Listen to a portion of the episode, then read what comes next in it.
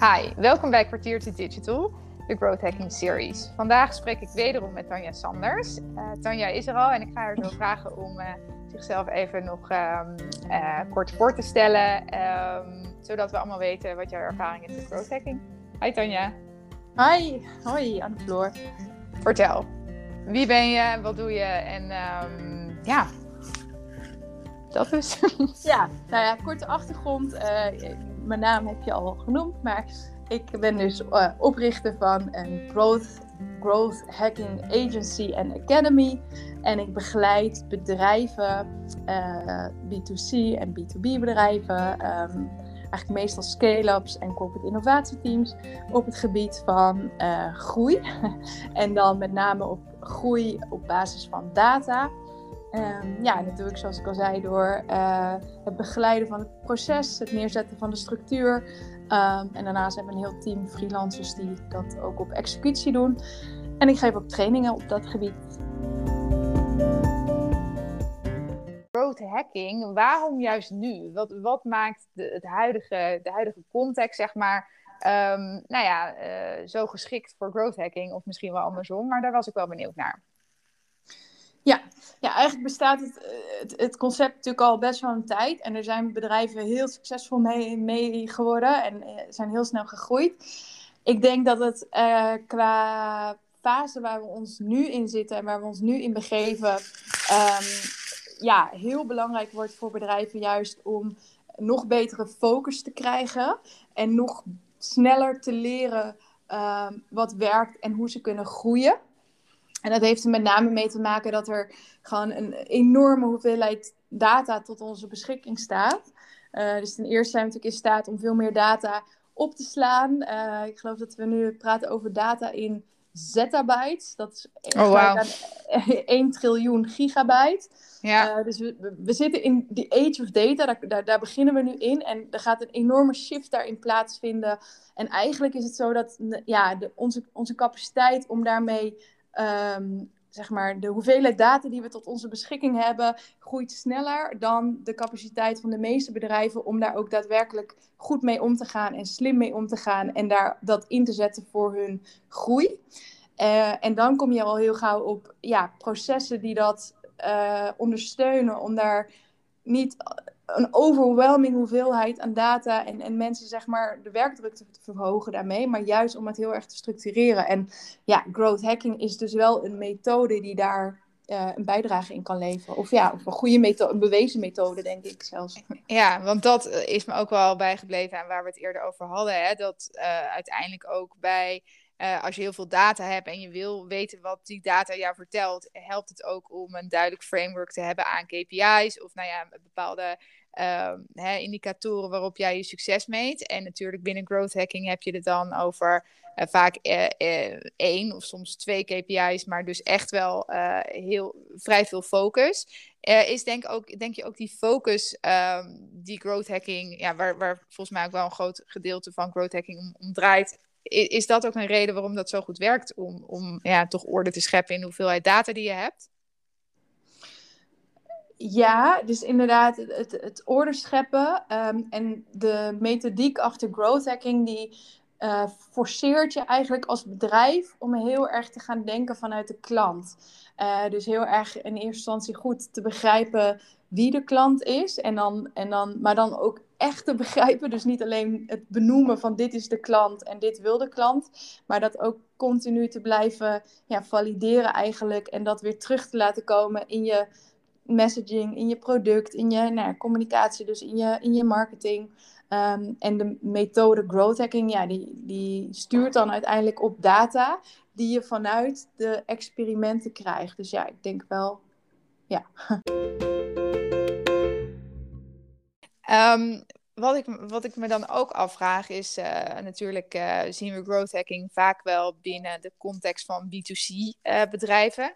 Maar die hoeveelheid data komt natuurlijk ook af op B2B bedrijven. Hoe um, zijn B2B-bedrijven al bezig met growth hacking? Hacking, hacking? Ja. Um, of hoe, hoe zit dat? Ja, uh, nou, ik, ik, denk dat ze niet zozeer de term growth hacking gebruiken. Ja, misschien sommigen wel. Dus denk, ja, HubSpot en Slack zijn natuurlijk hele goede voorbeelden van B2B-bedrijven die door middel van growth hacking enorm snel gegroeid zijn. Maar Ja, Ehm, ik denk wel, de, de, de onderliggende methodiek, die, die zie je ook wel in, in B2B steeds meer terug. Ehm, en wat je ook ja, ziet, is dat de customer journey eigenlijk binnen B2B steeds meer gaat lijken op een customer journey die je ook in B2C terugziet. Dus eigenlijk met ja, meer touchpoints en ook de hele oriëntatiefase en de, de decision-making proces van een eh, beslisser in B2B lijkt in feite heel erg op een B2C. Dus, eh, dat, en dat is in de laatste tien jaar is dat, is dat enorm veranderd. Ja.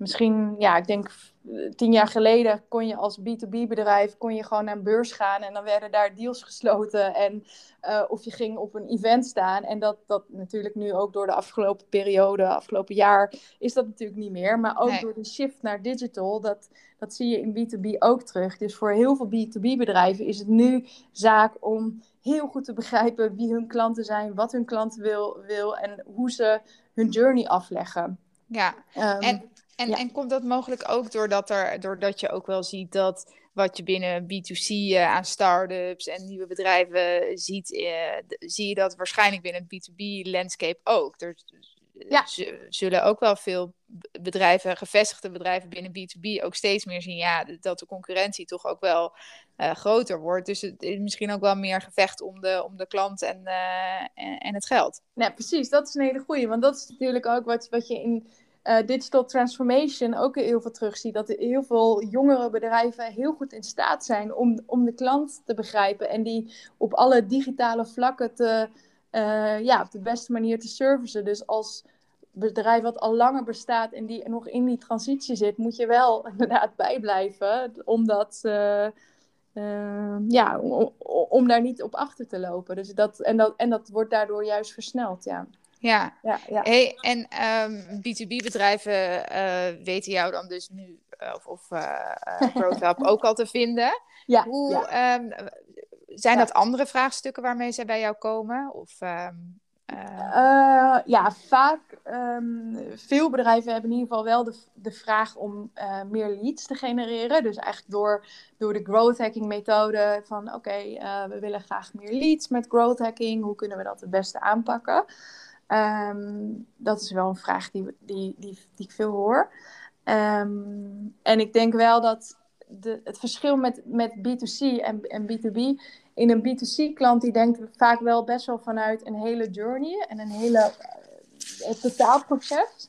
En ja, veel B2B-bedrijven die ik de afgelopen tijd heb gesproken, denken wel vaak vanuit een, stuk wat ze, wat ze willen realiseren. Of, of het is inderdaad meer sales of meer, meer leads. Ehm, ehm, en daar kunnen we als agency bij helpen. Ehm, alleen dan is vaak wel de eerste stap is heel goed het eerste datamodel neer te zetten en de doelstellingen zodanig te formuleren dat er uiteindelijk of meer leads of meer sales uitkomt.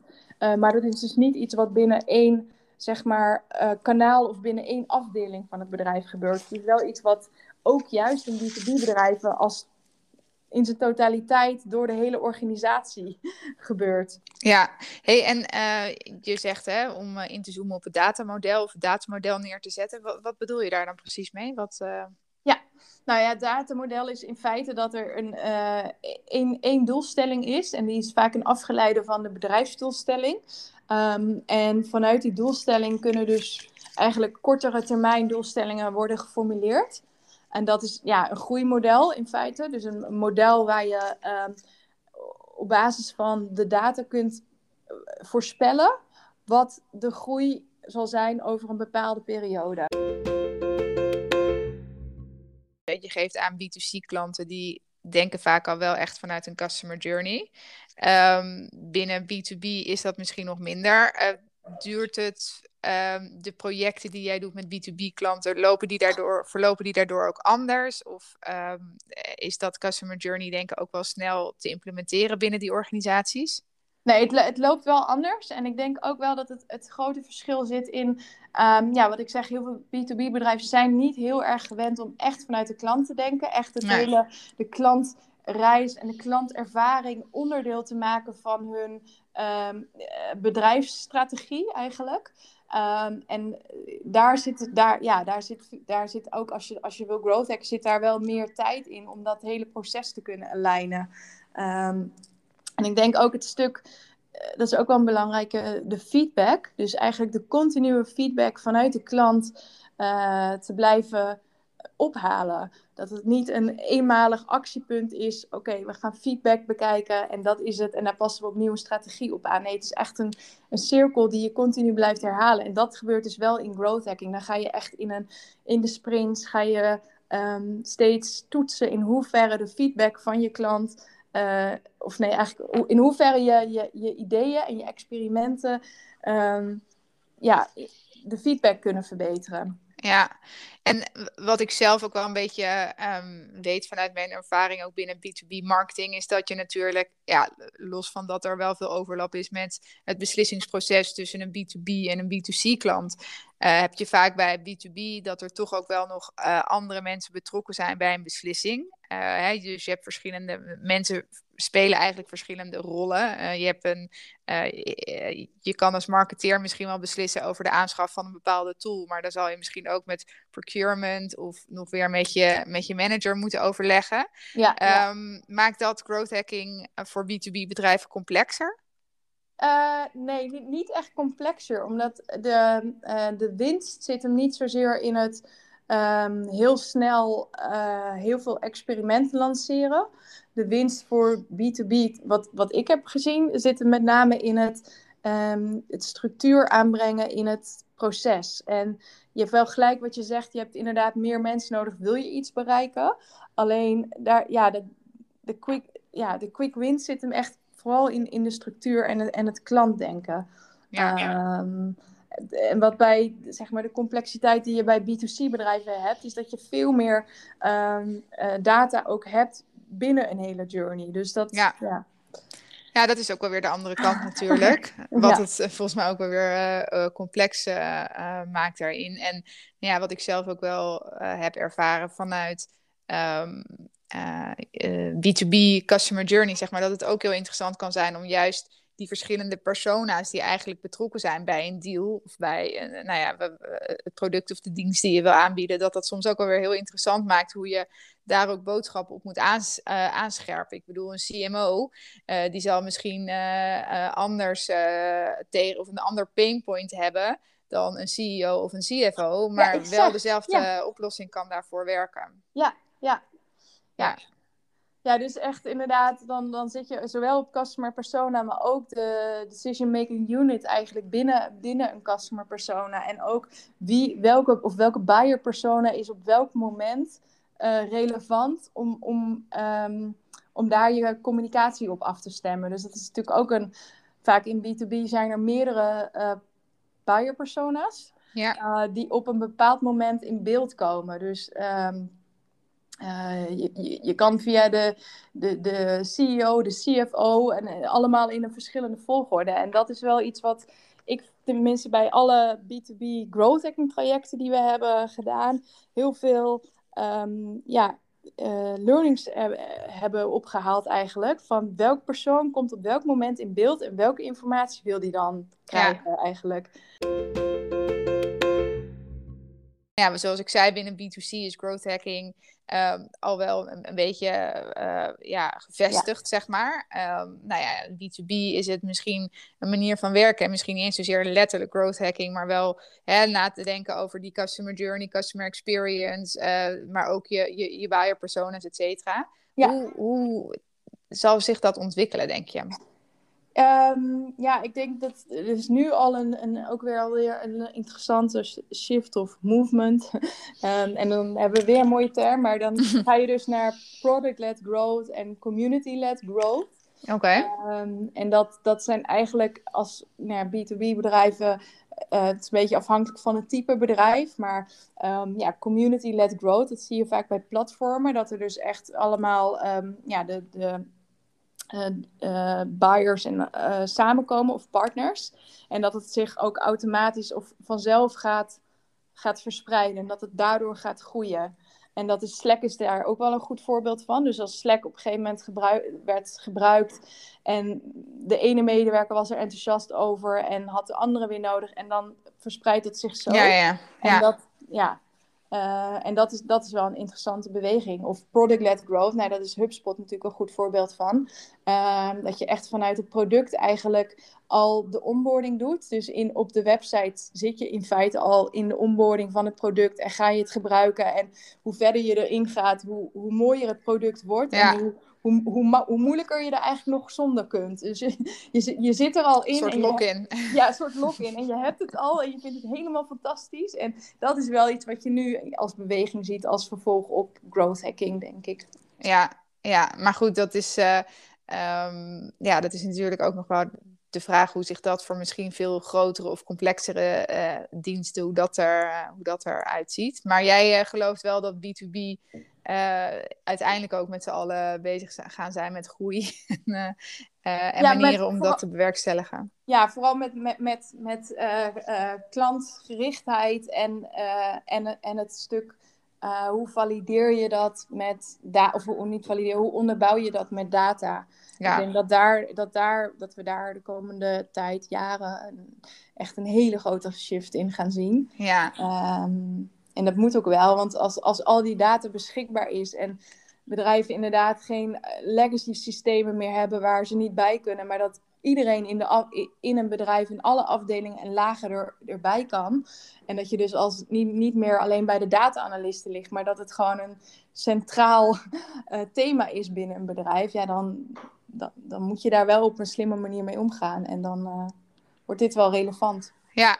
Ja, nou alleen maar denk ik een hele goede ontwikkeling. Omdat, uh, nou ja, we ook wat we binnen B2C zien, is gewoon een goede ontwikkeling dat er hè, de klant centraal wordt gesteld. En dat er ook echt, um, wat dat betreft, producten toch? Ja, precies. Ja. maar dat, dat dat dus ook onderdeel wordt van de product development, de uh, proposities uh, binnen B2B. Um, ehm, ja, dat is denk ik alleen maar een hele, hele goede ontwikkeling. Ja. Um, ik ben wel benieuwd wat voor bedrijven er ook allemaal uit gaan ontstaan. Ja, ja, ja, er komen natuurlijk weer allemaal uh, afsplitsingen en kleine innovatiehubjes binnen die B2B bedrijven. Dus misschien, ja, ik ben heel benieuwd. Het wordt een heel druk landschap op die manier. Tanja, omwille van de tijd zou ik jou willen vragen uh, of jij nog een laatste uitbrander hebt als het gaat om uh, growth uh, of datagedreven groei binnen B2B. Ja, ik denk dat een, ehm, het heel belangrijk is voor B2B-bedrijven als ze willen groeien, dat ze een heel duidelijk verschil gaan maken tussen het meten van een intern uh, proces of een sales funnel. Dus eigenlijk de doorstroom van een MQL naar een SQL, naar een, een, een opportunity en een deal. Versus een echt een customer journey. Waarbij je je eigenlijk heel erg focust op alle stappen vanuit de klantervaring en de klantbeleving te verbeteren. Dus die twee, um, ja, dat zijn echt twee totaal verschillende uh, funnels of journeys eigenlijk. En wat je ziet is dat veel B2B-bedrijven focussen zich op het eerste, terwijl het veel beter is om je eigenlijk te focussen op het verbeteren van de interactie binnen je customer journey. Ja, en dan blijven het wel twee aparte processen, maar ga je wel richting je, je klant je veel meer richten op dus dat customer journey van de klant. Ja, ja dus dat, dat, dat eerste dat meet je wel intern, maar je ziet ook dat als je als je je customer journey gaat verbeteren, dus alle stappen onderling in je customer journey, gaat automatisch je interne sales funnel wordt, doorloop wordt beter en uiteindelijk het resultaat. Ja, nou een hele mooie uitbrander uh, lijkt me dat. Ik wil jou heel erg uh, danken voor jouw inzichten uh, en, en je tips die je hebt gedeeld. En um, nou ja, ik spreek jou graag weer in een volgende aflevering. Oké, okay, dank je. Hoi. Hoi.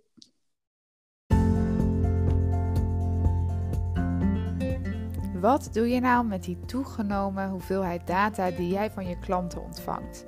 Dat is de vraag die Tanja Sanders, CEO van GrowthHub, steeds vaker vanuit zakelijke klanten krijgt. Um, en eigenlijk het antwoord daarop is vrij simpel. Namelijk, ga echt snappen wie je klant is, wat je klant denkt en voelt en uh, welke informatie je klant nodig heeft over jouw product of dienst om verleid te worden om die product of dienst van jou af te nemen.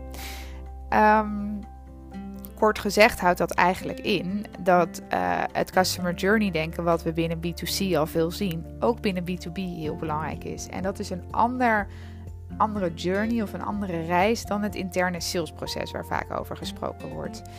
Um, daarnaast is het belangrijk om na te denken over wie zijn je klanten en met welke persona's heb je daarmee te maken. Uh, een dienst of product verkoop je vaak aan een, niet alleen aan één persoon, maar aan een bedrijf. En daarmee zijn verschillende rollen, verschillende persona's, die ook verschillende informatiebehoeften hebben, die spelen daarin een rol. Dus dat maakt ook dat proces wat complexer. Um, en tenslotte, wat ik ook nog wel een interessante vond, is dat het heel belangrijk is om ook binnen dat proces continu klantfeedback te blijven vragen. En dat is volgens mij voor veel B2B-bedrijven ook nog een beetje spannend. Om die klant echt te betrekken in het proces en echt continu eigenlijk te checken bij die klant: ben ik nou op, het goede, op de goede weg? Hoe dan ook, een hoop mooie inzichten over growth hacking binnen B2B. En ik uh, hoor je graag weer bij een volgend kwartiertje digital.